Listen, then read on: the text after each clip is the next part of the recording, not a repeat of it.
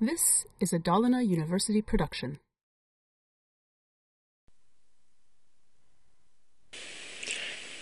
Vi tittar på hur man gör egna funktioner. Funktioner används för att dela upp programmet i mindre hanterbara bitar.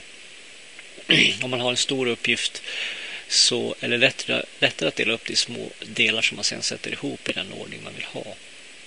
Det här att dela upp ett problem i små delar kallas för att modularisera ett problem. Och funktioner i JavaScript är ett sätt att skapa små moduler, små kodsnuttar som man kan återanvända i ett program.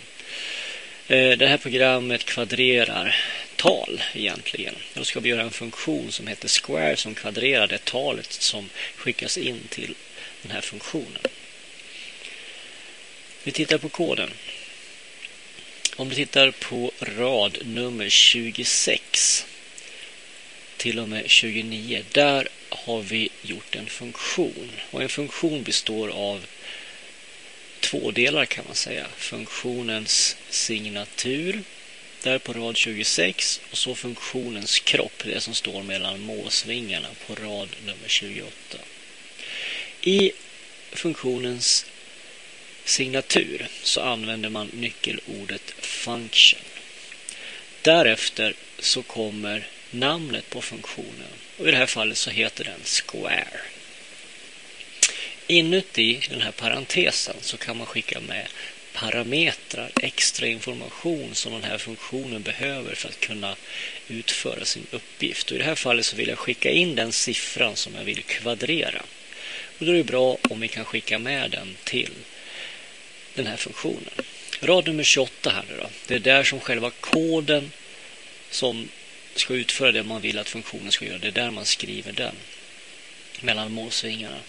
Eh, det finns ett nyckelord där som heter return och det används då i funktioner som returnerar någonting. Och den här funktionen ska då returnera kvadreringen av det här talet som kommer in och då använder man nyckelordet return för att returnera någonting. När man sedan använder den här funktionen så anropar man den genom att ange funktionens namn. Och det är det du ser på rad nummer 20 här borta. Där skriver jag funktionens namn och så skickar jag med det argument som jag vill skicka med till metoden. I det här fallet x och det kommer vara någon av siffrorna 1 till och med. Eller rättare sagt, jag skickar in först siffran 1, sen siffran 2, sen siffran 3 och så vidare. Vi ska kvadrera de tio första talen.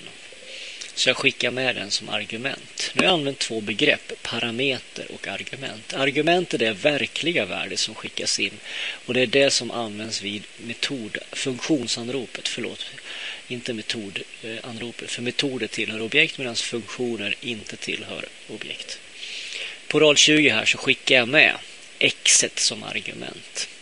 Eh, på rad nummer 26 är y en parameter. Då har jag visat hur man skapar en funktion och sen hur man anropar den i sitt program.